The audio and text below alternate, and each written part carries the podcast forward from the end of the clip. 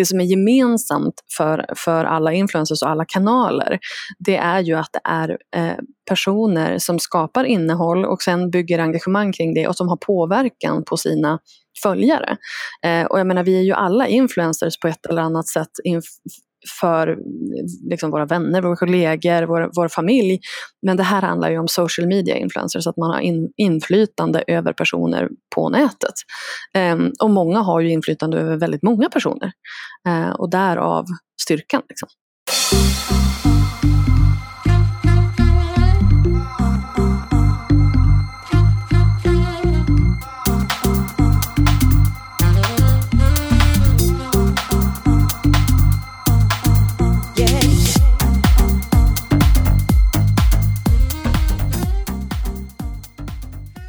Välkommen till ett nytt avsnitt av Digital marknadsföring med mig Tony Hammarlund. I den här podden intervjuar jag branschexperter och ledare. Allt för att lära mig nya ämnen och ta reda på vad som krävs för att bli en digital marknadsförare i världsklass. Linda Hörnfeldt var förmodligen en av Sveriges första bloggerskor när hon började blogga 2001. 13 år senare grundade hon Better bloggers som sen blev Influencers of Sweden. Hon är idag en av Sveriges främsta experter på området och kom nyligen ut med boken Yrke Influencer. Linda föreläser även om influencer marketing och i dagens avsnitt kan du lyssna in hur vi marknadsförare bör arbeta med just influencers. Hon berättar bland annat hur man hittar rätt influencers, ger konkreta exempel på företag som jobbar bra med influencer marketing och delar med sig av sina bästa tips för att lyckas. Nu tycker jag att vi hoppar in i intervjun. Men jag vill börja passa på att hälsa dig välkommen nu här Linda till Digital marknadsföring med mig Tony Hammarlund. Tack snälla, tack snälla. Kul att vara här. Du har ju gett ut en bok om influencers, du är grundare till en organisation om influencers, eller för influencers, mm. och är själv också en influencer. Ja, det är mycket influencers. och sen har du till och med du har en podcast också, ja, We Are Influencers. Precis. alltså det, och det är lite intressant med tanke på att när det här ordet influencer kom, då kände jag att herregud, det här är ett jättekrångligt ord. Hur ska vi, liksom, hur ska vi få in det här i för, för jag startade då, föregångaren till Influencers of Sweden som är den här organisationen som jag driver, eh, döpte jag till Better bloggers. Och det här var i samma veva som liksom ordet influencer började lite smått användas men inte riktigt i Sverige. För att jag var ju så här, men ingen fattar vad det är för någonting. Och nu är det typ överallt, speciellt i mina, mina kanaler. Men när började allt det här? För det är, det är många bitar där vi pratar om, både hur du är influencer själv och hur du driver den här organisationen. Mm. Var började allt? Alltså allt började ju egentligen eh, när jag gick på gymnasiet. Eh, det här är ju evigheter sedan för jag är lastgammal, jag är 38. Eh, I den här branschen är jag lastgammal i alla fall. Ehm, nej men jag gick på gymnasiet i slutet på 90-talet då eh, internet kom Alltså det fanns en tid innan det. eh, så att, eh, och då eh, fick jag för mig att jag skulle lära mig göra hemsidor. Så min, min lillebror eh, lärde mig att koda och sådär. För han har alltid varit en riktig datanörd. Ehm, så då lärde jag mig koda och göra hemsidor. Och eh, då tänkte jag, vad ska man göra en hemsida om? Jo, man, man gör väl en om sig själv. Och eh, då föddes min blogg. Så att jag har bloggat sedan 2001 eh, och på den tiden så var det liksom en statisk hemsida. Eh, så det var ju inte så här, det fanns inga kommentarer, det fanns inget arkiv eller någonting sånt utan det var liksom ett Word-dokument som man publicerade på nätet, typ. Eh, så när man skulle skriva ett nytt inlägg, det var det så här, enter, enter, enter, enter och så sen så skrev man ett nytt inlägg ovanför. Ehm, men jag har ju ja, bloggat i stort sett då, då sedan 2001. Så det var väl där det började egentligen. Sen så bör, då skrev jag på engelska från början därför att det fanns liksom inte eh, det fanns inga bloggar i Sverige. Eh, inte som jag kände till och inte så mainstream-aktigt i alla fall. Och eh, så då, då var jag ju liksom, jag var ju väldigt tidigt ute men det fanns ju i USA. Eh, så därför så bloggade jag på engelska eh, istället.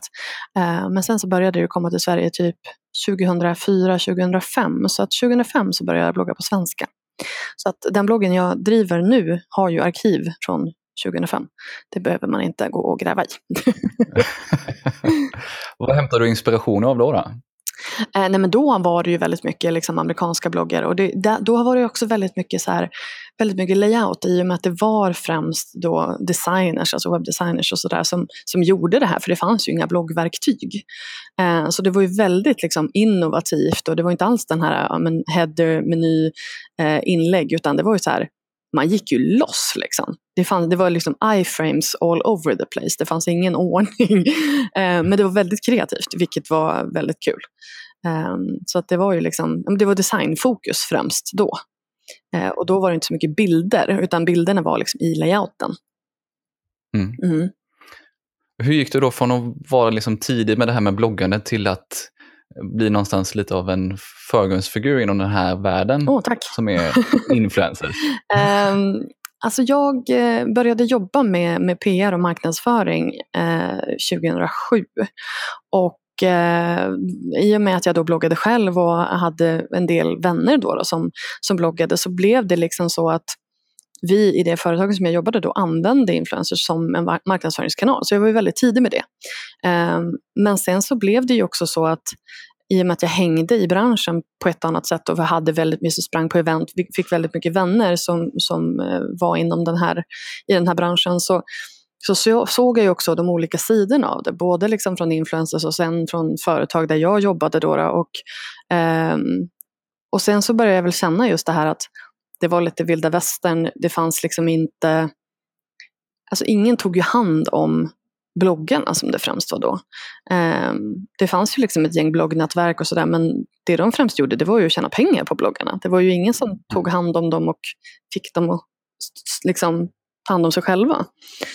Um, så anledningen till att jag grundade Bättre blogger, så det var ju då 2014, uh, det var ju främst för att bloggare skulle prata med, med varandra om sitt jobb. För det är väldigt ensamt och det är liksom främst privatpersoner, eller det var det i alla fall, som har liksom råkat få det som ett jobb. Det är ju ingenting som man är utbildad till eller någonting som man kanske startar för att det ska bli ett jobb. Eh, åtminstone inte då. Eh, men så hamnar man i den situationen att man fick eh, ja, men folk började kasta produkter och pengar på en och vad skulle man göra då? Um, så att där, det kom ju ur ett verkligt behov av att, alltså det jag kände det var ju ja, dels det här att vi inte pratar med varandra om, om, om jobbet, men sen också att ska vi faktiskt kunna ha det här som ett jobb och karriär och få det att växa så måste vi ta det liksom på allvar och bli seriösa och ta reda på vad har vi för skyldigheter? Hur gör vi det här på bästa sätt för att både liksom underhålla våra, våra läsare och hålla dem nöjda. Men även då kanske utveckla annonseringsmöjligheter. Um, och det har ju liksom varit en resa just där att få de här personerna att se sig själva som yrkespersoner. Uh, det har mm. väl varit den största utmaningen av dem alla skulle jag säga. Nu pratar du så här bloggare mm. och det var där kanske allting startade. Mm. Men vad, vad, är en influencer för dig? Det man pratar, för nu pratar man inte så mycket om bloggare idag kanske på samma sätt. Man pratar mycket om det här med influencers. Precis. Men vad är en influencer för dig egentligen? Alltså en influencer är ju egentligen, det det kom ifrån från början, det är väl just det här att man, att man vill ha ett samlingsord för de här olika kanalerna där man faktiskt då publicerar innehåll och skapar engagemang kring det innehållet. Och det var ju då främst eller det är främst då bloggare, poddare, eh, eh, instagrammare, youtubers. Eh, så det är väl de, de främsta kanalerna. Sen finns det också Pinterest och Facebook och alla de här. Men det som är gemensamt för, för alla influencers och alla kanaler, det är ju att det är eh, personer som skapar innehåll och sen bygger engagemang kring det och som har påverkan på sina följare. Eh, och jag menar, vi är ju alla influencers på ett eller annat sätt för liksom våra vänner, våra kollegor, vår, vår familj. Men det här handlar ju om social media influencers, så att man har in, inflytande över personer på nätet. Um, och många har ju inflytande över väldigt många personer. Uh, och därav styrkan. Liksom. Där kommer vi in på lite, när blir man en influencer? När man går man från att vara en vad ska man, inflytelserik person i sociala medier mm. till att bli en influencer? Alltså till att ha det som ett yrke, det är ju när man börjar tjäna pengar på det. Så det är väl kanske mm. enkel, mm. eh, liksom så här, ja, men du, du har det som ett yrke när du tjänar pengar på det, men att bli en influencer, det, det är du ju det kan du bli ganska snabbt beroende på, alltså jag brukar säga så här, för att du ska kunna liksom börja tjäna pengar så de behöver åtminstone ha kanske ett par tusen följare på, på Instagram till exempel eller läsare på bloggen. Men det är också beroende på, är du supernischad då behöver du inte kanske ha speciellt många. Men det är också så här, vad är syftet med att vara en influencer? Är det bara att vara då inflytelserik och liksom kanske socialt eller ha det som någon slags statuspryl eller vill du tjäna pengar på det? Så att eh, det, det är lite grann hur lång är en pinne fråga. När man pratar om influencer marketing så går ju mina tankar i alla fall direkt till liksom företag som Nelly Naked och Daniel Wellington och så vidare, där influencers visar upp kläder och accessoarer och så vidare. Mm. Men vilka företag ser du som jobbar riktigt bra med det här med influencers? Alltså jag tycker att det här med att visa upp en, en produkt, det är ganska mycket så 1A, marknadsföring 1A. Det är lite, lite för enkelt och lite liksom krängigt och tråkigt kan jag tycka. Sen så absolut att det funkar när, när det gäller vissa typer av produkter. Men jag tycker att det blir väl, när det blir intressant, det är ju när man verkligen börjar prata liksom, värderingar, storytelling. Vad, vad har vi för någonting gemensamt? Vad, liksom, finns det någonting som i den här produkten eller i den här tjänsten som verkligen tilltalar mig som person och där jag, vi kan hitta liksom gemensamma nämnare. Så jag tycker kanske att det är mer intressant när man liksom grundar den här marknadsföringen i, i en värdering eller i ett problem eller den typen av sak istället för att bara visa upp en pryl. Um, och visst, det kan ju också, det, det upp, funkar ju uppenbarligen väldigt bra, men jag tycker också det är problematiskt, just när man pratar om de här varumärkena som du nämner, uh, att, att man säger att de har lyckats med influencer marketing. Därför att väldigt stora delar av deras marknadsföring, det har ju handlat om att skicka ut en massa gratis prylar och inte betala sina influencers. Så att, då tycker jag inte att man har lyckats med influencer marketing. Man kanske har lyckats med PR eller man har lyckats hassla till sig en massa Instagram-bilder från personer som inte vet bättre än att ta betalt. Men jag tycker kanske inte att det är ett bra exempel på influencer marketing så som jag ser det. Eh, för jag tycker inte att det är etiskt eh, att eh, liksom erbjuda produkter i utbyte mot, mot eh, marknadsföring. För att det skulle inte funka någon annanstans. Liksom. Du kan inte gå till DN och bara, hej, här får du en klocka, kan jag få en hel sida? Liksom. Um, så att jag tycker inte det är ett professionellt sätt att göra det på.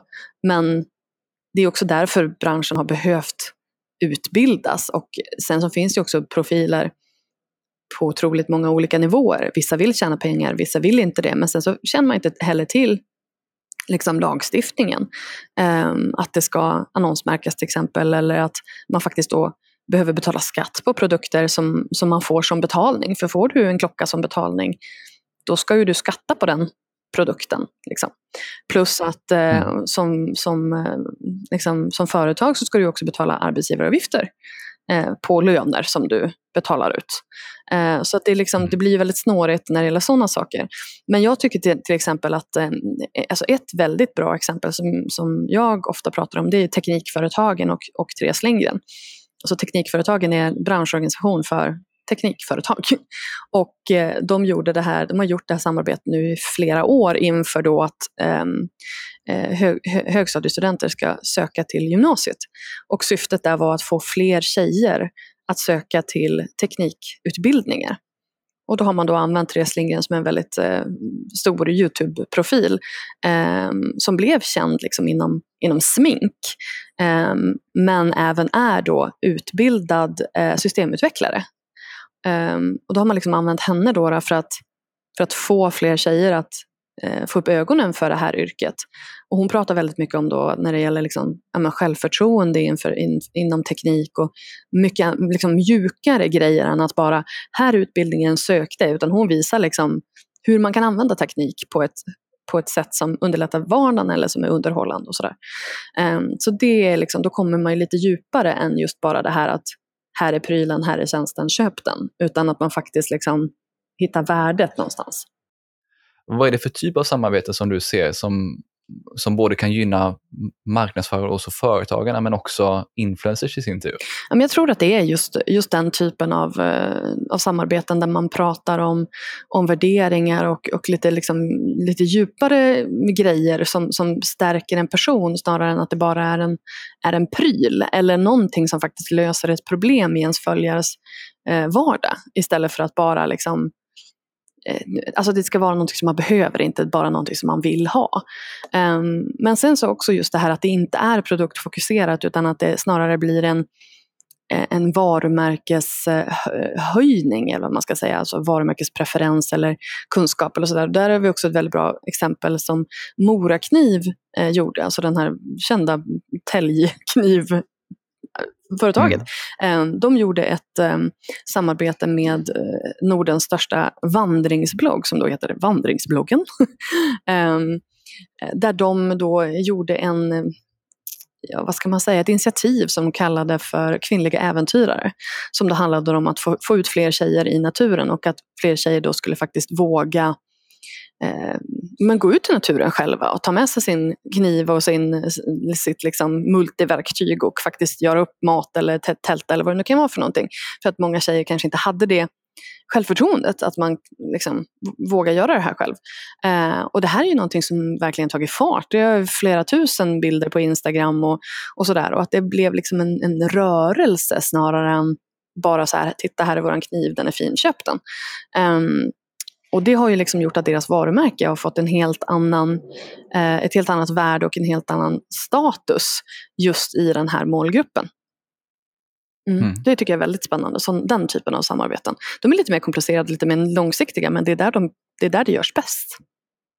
Ja, men det är ju där man som marknadsförare också kanske får visa, liksom, man kan jobba tillsammans med influensen och faktiskt ta fram något kreativt koncept.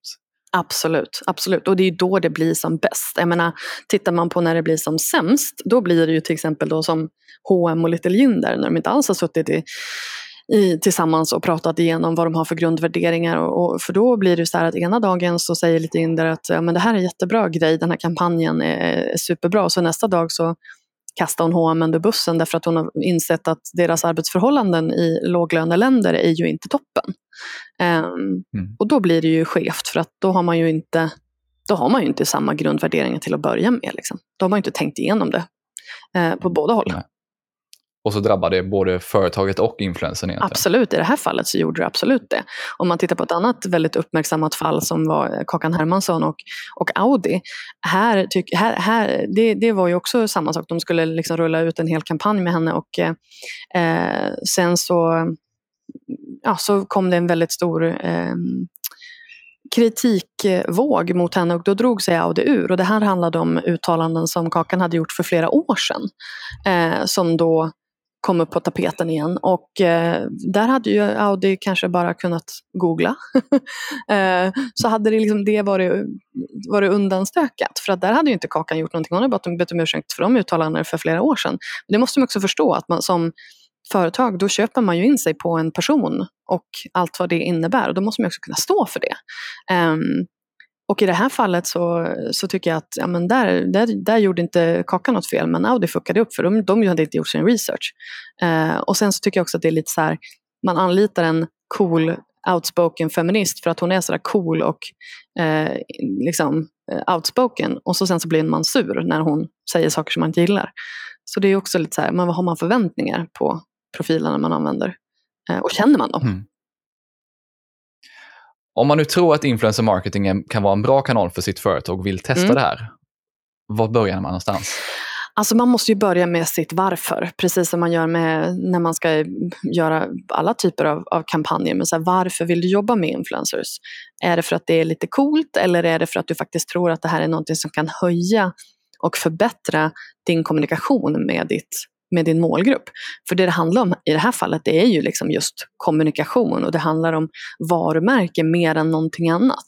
Om du bara vill åt räckvidd, ja men då kan du, då kan du gå på Facebook och då kan du liksom, det finns annan liksom, konverterings, eh, eh alltså trafik källor som man kan använda som, som kanske är mer effektiva och där man inte behöver jobba lika mycket med människor.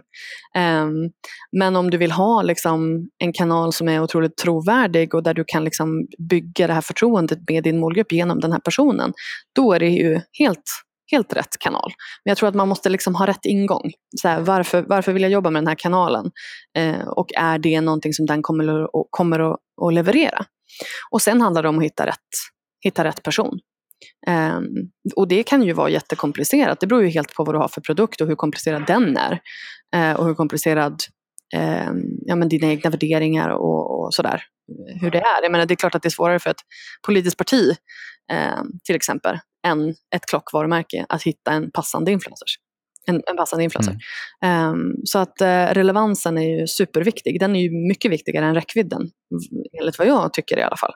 Um, och det, så hittar du rätt person så behöver inte den personen ha liksom, hundratusentals följare. Um, utan är den liksom nischad mot din målgrupp då, då behöver du inte så himla många om den kan konvertera en större procent av, uh, av de personerna.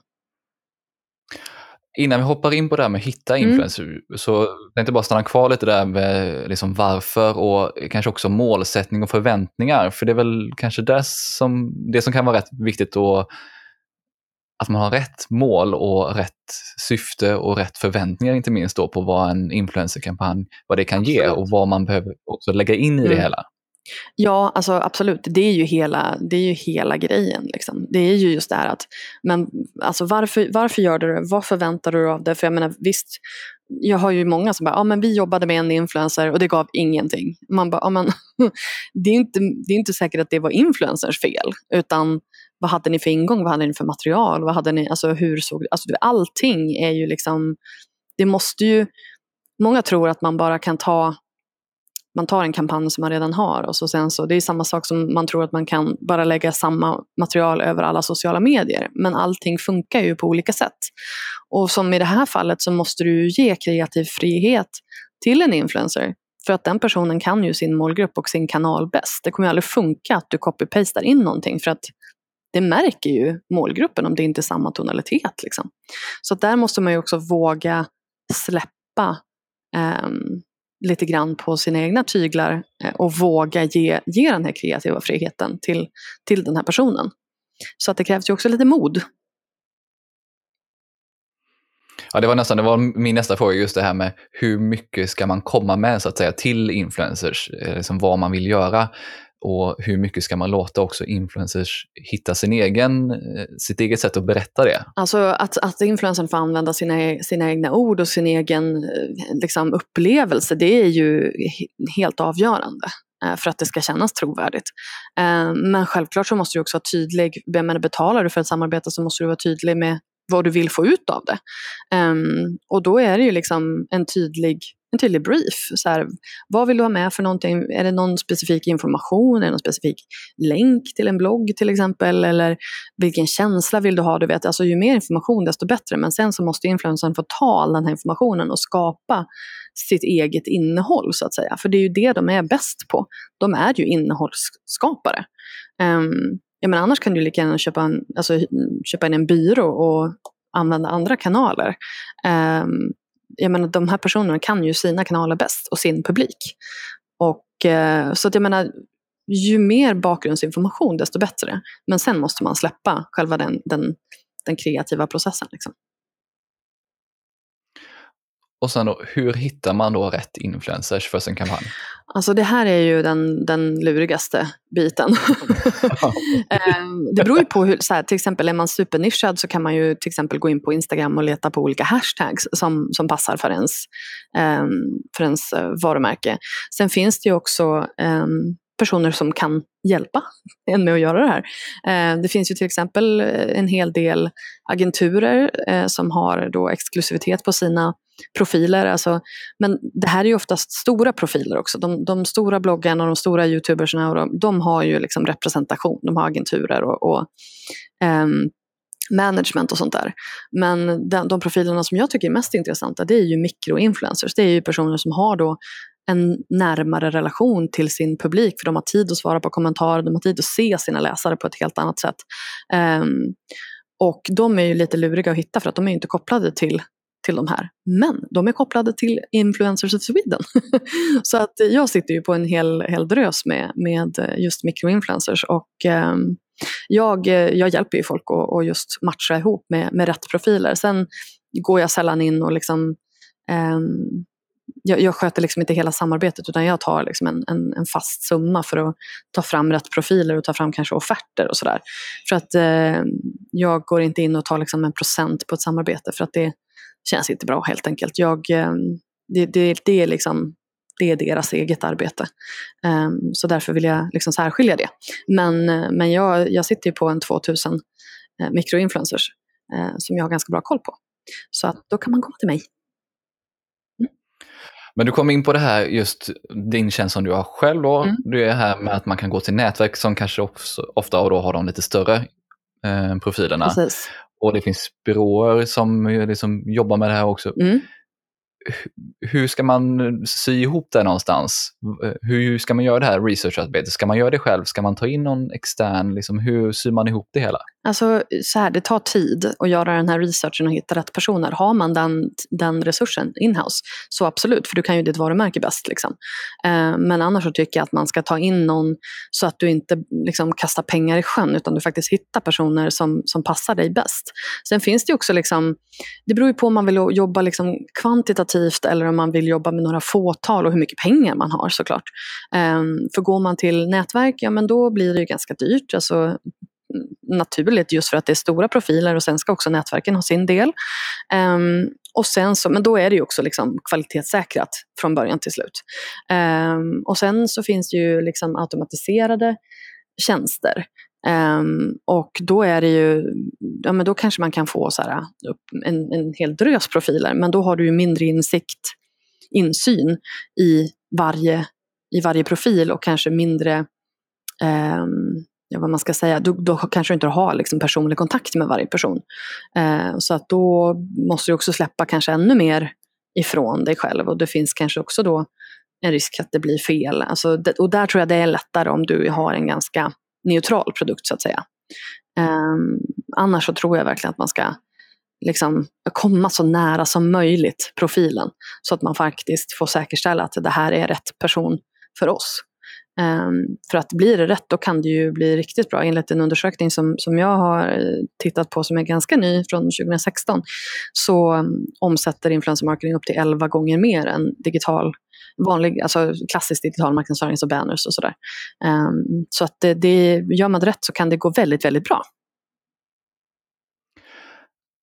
Hur vet man då att man har, för nu, nu vi var inne här liksom hur man hittar olika influencers med tjänster och så men hur vet man att man har hittat influencers som passar sin målgrupp? Hur gör man den här målgruppsanalysen? Liksom vilka influencers som, som passar till dem man vill nå faktiskt? Alltså det här räknar jag kallt med att influencers vet. Alltså de influencers man kontaktar ska ha koll på sin målgrupp. Eh, har de inte det så, så får de antingen ta reda på det eller så kanske man inte ska jobba med de personerna. Eh, för det är ju ändå, ja men absolut, du, du köper influensen och du köper liksom innehållet och den, den kunskapen som de har. Men du vill ju åt deras målgrupp i slutändan. Det är ju det som är liksom the endgame så att säga. Um, och den här informationen har ju de flesta. Alltså jag brukar rekommendera, eh, jag rekommenderar alla våra medlemmar att göra medlemsundersökningar med jämna mellanrum, kanske en gång om året eller sådär, så man får in så mycket information som möjligt om, om vilka det är som, som följer en. Um, men sen så finns det också i de olika statistikverktygen, Facebook, Youtube, Instagram, då kan du åtminstone få fram kön, ålder och var man bor någonstans. Um, så att uh, så där kan man ju hålla koll på om det synkar. Och där tycker jag också det är jätteviktigt att kolla faktiskt, speciellt på Instagram, just det här att man aldrig ska fastna på följarantal. Um, utan att du faktiskt ser hur många du faktiskt når. För att Instagram-algoritmen har ju gjort att man syns ju inte alls lika, ehm, till, framför lika många som, man för, som följer en. Um, plus att det är väldigt, väldigt enkelt att köpa följare. Så att, eh, att man faktiskt då begär ut eh, räckvidd. Eh, alltså hur många som faktiskt ser inläggen och inte fastnar vid, vid följarsiffror. För att det är helt ointressant. Ja, för det, det, var min nästa fråga någonstans. Vad är det man ska titta på just i sin research när, det, när man kommer in på det här med antal följare interaktion och engagemang mm. och så vidare i de olika kanalerna. Vad är det du tycker man ska börja titta på där? Så att man, det finns ju förmodligen hur många olika detaljer som helst, men vad är det viktiga att titta på när man bedömer en influencer någonstans, om det är, om det är rätt och om det, de om de kan leverera egentligen det man är ute Alltså, efter? det, det som är enklast att titta på utan att man behöver då kontakta profilen, och nu, nu utgår jag från Instagram för att det är väl där som de flesta någonstans börjar att göra sin research. Eh, bloggen är ju lite svårare därför att ja, där kan du absolut titta på kommentarer. Har man kommentarer överhuvudtaget så, så är det ganska bra för att folk, har, folk kommenterar mycket mindre nu för tiden i och med att det finns sociala medier att ko- kommentera i och det är mycket enklare än att göra det. Jag menar, lägger jag upp ett blogginlägg på, på Facebook och länkar från min sida, då kommenterar folk på Facebook och inte på bloggen. Så att, eh, för att det är krångligare. Liksom.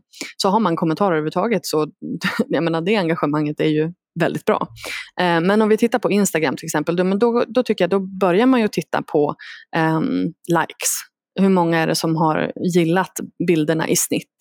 Eh, och så sen så får man ju då ta fram en procent utifrån hur många som följer. Eh, och sen också kommentarerna. Vad, är det, vad skriver de för kommentarer? Är det bara så här ah, great picture och någon smiley eller bara liksom en lista med emojis? Ja, då, då kanske det är bottar. Eh, så att man faktiskt tittar på vad är det folk skriver för någonting. Eh, och, och hur många såklart. Um, och ett bra engagemang ska ju åtminstone ligga kanske runt 4-5 procent um, och däröver. Men det där är ju också jättesvårt i och med att man inte riktigt vet räckvidden. Uh, Så att jag skulle väl liksom titta igenom lite snabbt, så här, kolla kommentarerna, kolla också vilka som har gillat. Är det riktiga konton? Um, är det, sen beror det på vad det är för produkt, men är det svenska konton? Så att det inte är Eh, ja, men en massa eh, liksom, mm, användare i andra länder som, där du inte har en produkt att sälja. Ehm, utan så att man liksom har en liten koll på målgruppen och sen så att man faktiskt då begär ut eh, information från, från personen eh, på då räckvidd och målgrupp. Och sen såklart kvalitet och sånt där, men det, det, är, ju, det är ju steg ett. Nej, men det är bara som man har, när man börjar titta på det, som man har några, någonstans några riktvärden och börjar och men du vet, när, när, folk säger till mig, när folk säger till mig att vi jobbar bara med folk som har över 10 000 följare, då får jag krupp. För att det är verkligen så här, fast det, det spelar ingen roll. För om de här 10 000 personerna är bottar eller bor i fel länder eller liksom är ja, inte är intressanta för dig, då spelar det ingen roll. Tänk om det bara är 150 som är intressanta. Men om det är någon som har 3 000 följare och alla är intressanta, då är det mycket bättre. Så att liksom, sluta, sluta säga sånt, det är korkat. Då har vi någonstans kollat lite på det här med hur man hittar Mm. influencers. Eh, Både med lite tjänster, eh, den lite matchning som, eh, som du kan göra, framförallt då, eh, som är viktig mot de här lite mindre Mm. influencerna. Eh, Och sen då de nätverk och andra tjänster som finns. Precis. Men hur är det då när man börjar prata, när man har hittat de här influencerna, när man börjar prata om några faktiska samarbeten och börjar prata om pengar och Mm. ersättning? Vad kostar, det sig, vad kostar det egentligen att marknadsföra sig genom influencers? Vad, vad, vad, hur långt är ett snöre förstår jag, men Nej, men vi, det vi har sagt eh, i, i Influencers of Sweden, vi har satt en eh, summa på 2000 kronor för ett inlägg oavsett kanal. Därför att det är någonstans, om du börjar räkna på arbetstid och eh, liksom räckvidd oavsett om det bara är ett par hundra personer så, så är det liksom en rimlig grundsumma. Om man tittar på liksom, ja, men ett konsultarvode, om du tar 800 kronor i timmen och så sen ska du lägga på räckvidd på det. Så det är du, du är väldigt snabbt uppe i 2000 kronor. Så att det är liksom en, någon, någon slags minimi eh, summa. Och sen så går det ju bara uppåt. Jag tror att jag vet att eh, Isabella Löwengrip tar, ja, men om det är mellan 80 och 100 000 för ett blogginlägg. Eh, så att, eh, och där har vi väl någonstans nått toppen. Jag vet att Therese Lindgren kan ta över 100, ja, 130-140 000 för en video. Men då är vi ju liksom uppe på toppen. Så att där har du, däremellan har du spannet. Liksom. Ehm, jag brukar säga att vill du göra en bra influencerkampanj, om du kanske vill lägga upp den på lite, över lite längre tid, om du vill ha kanske några så här, mellanstora profiler och några små. Ehm, du kommer, om du lägger 100 000 på, liksom, om du allokerar det i din marknadsföringsbudget, då kan du få ut någonting vettigt som du kan mäta på och utvärdera. För gör du bara liksom en engångsgrej för 5 000 spänn, det, du kan ju aldrig veta om, om, om det är liksom representativt eller inte. Så det, så det, brukar, jag, det brukar jag rekommendera. Eh, och sen så brukar jag också liksom ha en, en liten hur man kan räkna.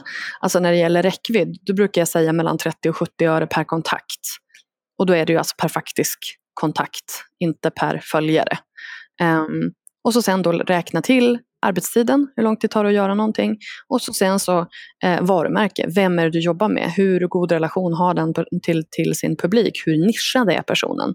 Eh, så det är liksom lite så här, ja, men det är som att jobba med, med en konsult eller en föreläsare eller vad det nu kan vara för någonting. Ju, ju bättre man är på sitt jobb, desto mer betalt får man. Och ju bättre man är på att sälja, desto mer betalt får man. Så att det är ju lite sådana grejer som, som infaller också. Ja, men jag tänker så man har, det är återigen det här som man, om man tittar på det här, man har någon typ av riktpunkt att börja efter och sen är det väldigt nischat så antar jag, då, då går ju självklart kostnaden ja. upp per kontakt. För det är, det är svårare att nå de här personerna och visa versa åt andra hållet egentligen. Det har ju varit en hel del snack om smygreklam de mm. senaste mm. åren också. Eh, framförallt kring bloggar. Vad, vad gäller egentligen kring det här med annonsmärkning och utmärkning av samarbeten och så vidare? Det här är ju någonting som vi har jobbat med sedan jag startade Better bloggers i stort sett. Jag tror att vi hade ett möte med Konsumentverket den första hösten eller om det var andra. Ehm, men vi har jobbat väldigt nära eh, både Reklamombudsmannen och Konsumentverket väldigt länge. Eh, och det som gäller, nu har vi ju faktiskt också en dom i Patent och marknadsdomstolen som kom i, i januari mot Alexandra Nilsson eh, Kissy. Eh, och det som fastställdes där och det som också har varit vår rekommendation innan, det är ju att eh, annonsmärkningen ska ske först. Eh, I, alltså överst i ett blogginlägg, först i en video, eh, först i ett Instagram, eh, en Instagram-post. Ehm, poängen är att man ska direkt kunna identifiera om det är reklam eller inte, för att man ska kunna hoppa över reklamen om man inte vill ta del av den. Det är hela syftet med att, man, att det ska vara tydligt och det ska vara först. Det ska alltså vara överst på en egen rad, inte inbakad i texten, ingenting sånt, utan du ska kunna liksom, vid en snabb anblick identifiera det som reklam. Eh, så det är helt enkelt det som, det som gäller. Vilket ansvar har de marknadsförare i det här skedet?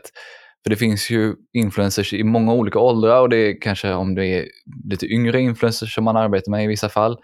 Hur ska man tänka kring sitt eget ansvar för, eh, som marknadsförare? Eh, alltså som marknadsförare så är du ju lagligt ansvarig för att eh, reklamen annonsmärks korrekt enligt lag. Eh, alltså där, enligt lagen så är det alltså alla som är involverade i att den här reklamen skapas eh, är ansvariga för att eh, liksom marknadsföringslagen uppehålls.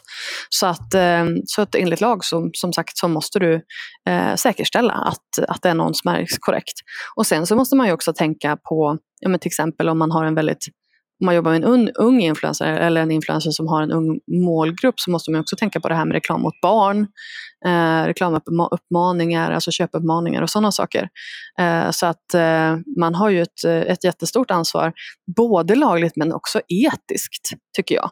I och med att man som marknadsförare, tycker kanske jag, att man rimligen har en större att man har större koll på marknadsföringslagen än en ung influencer som inte har någon utbildning och som inte har liksom, ja, men som, vars yrke har bara råkat bli ett yrke. Självklart så har också influencers ansvar att upplysa sig själv men jag tänker ändå vars någonstans är det rimligt att det finns mer kunskap så att säga.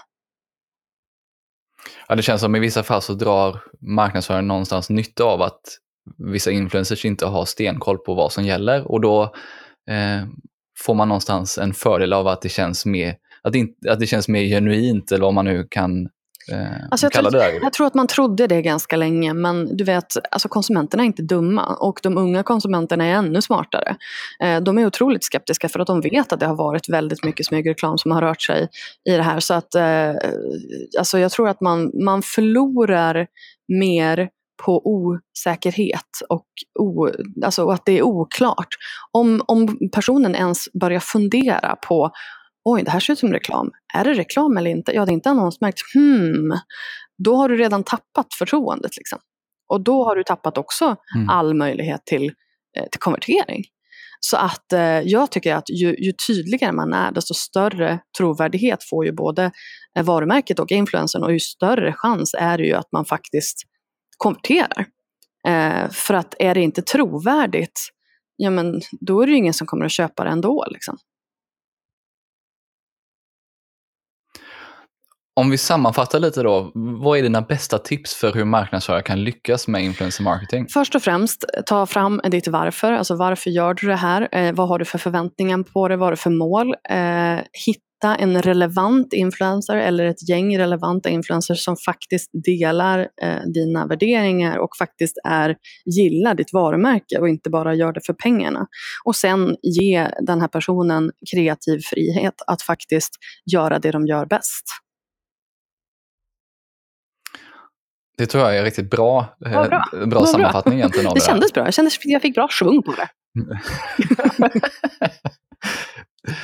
Hur ser framtiden ut för in influencers och vilka trender ser du framöver egentligen? Alltså mikroinfluencers är väl den största trenden som jag ser. Eh, någonting som jag har pratat varmt för i flera år. Så det är väldigt kul att se att, eh, att ens tes uppfylls någonstans.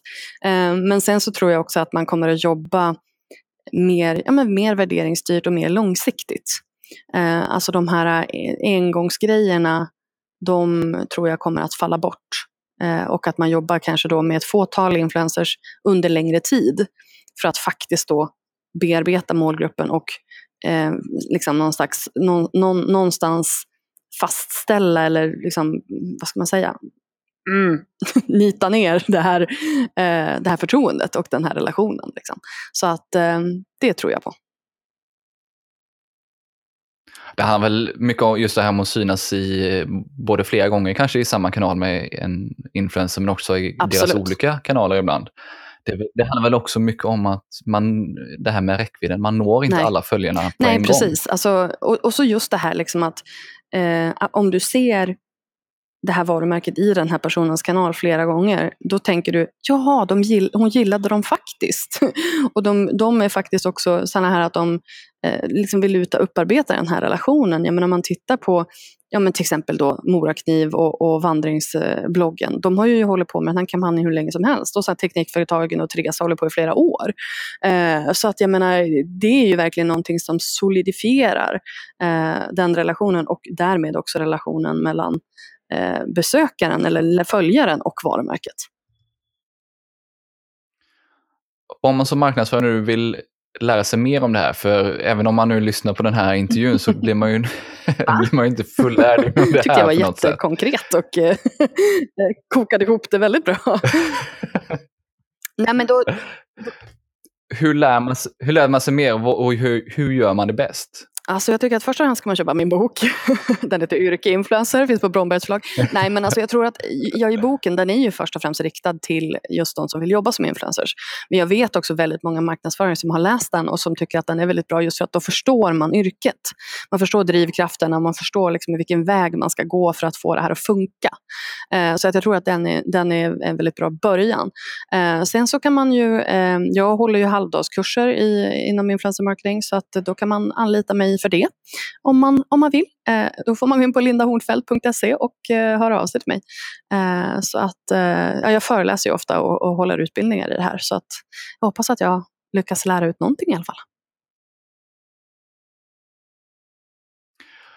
Om man nu Mm. vill komma i kontakt med dig eller följa dig i, i dina kanaler, hur gör man det bäst då? Eh, Om man vill anlita mig då går man till lindahornfeldt.se. Eh, sen har jag en blogg på lalinda.se och sen så har jag Instagram på eh, lalinda. Det är väl mina mest aktiva kanaler. Sen har jag en Youtube-kanal också, som, men den kan man hitta via bloggen. Eh, så att ja, bloggen är min bästa. Det är min bästa grej. Tack så hemskt mycket för att du var med i podden idag. Ja, men tack för att jag fick vara med. Det var jättekul. Sjukt mycket bra information om influencer marketing där från Linda. Och har du inte läst hennes bok så tycker jag verkligen att du ska kolla in den. Alla länkar vi nämnde i avsnittet samt länkar till Lindas sociala profiler och hennes nya bok finner du i poddinlägget på tonyhammarlund.io. Har du en fråga som jag inte tog upp i avsnittet så får du gärna ställa den i kommentarerna på poddinlägget. Där kan du även ladda ner Lindas lista över 10 anledningar till att jobba med influencers. Och kom ihåg att prenumerera i din podcast-app. Tack slutligen till Mikael på Newbreeze Music som klipper podden och står för musiken. Vi hörs snart igen.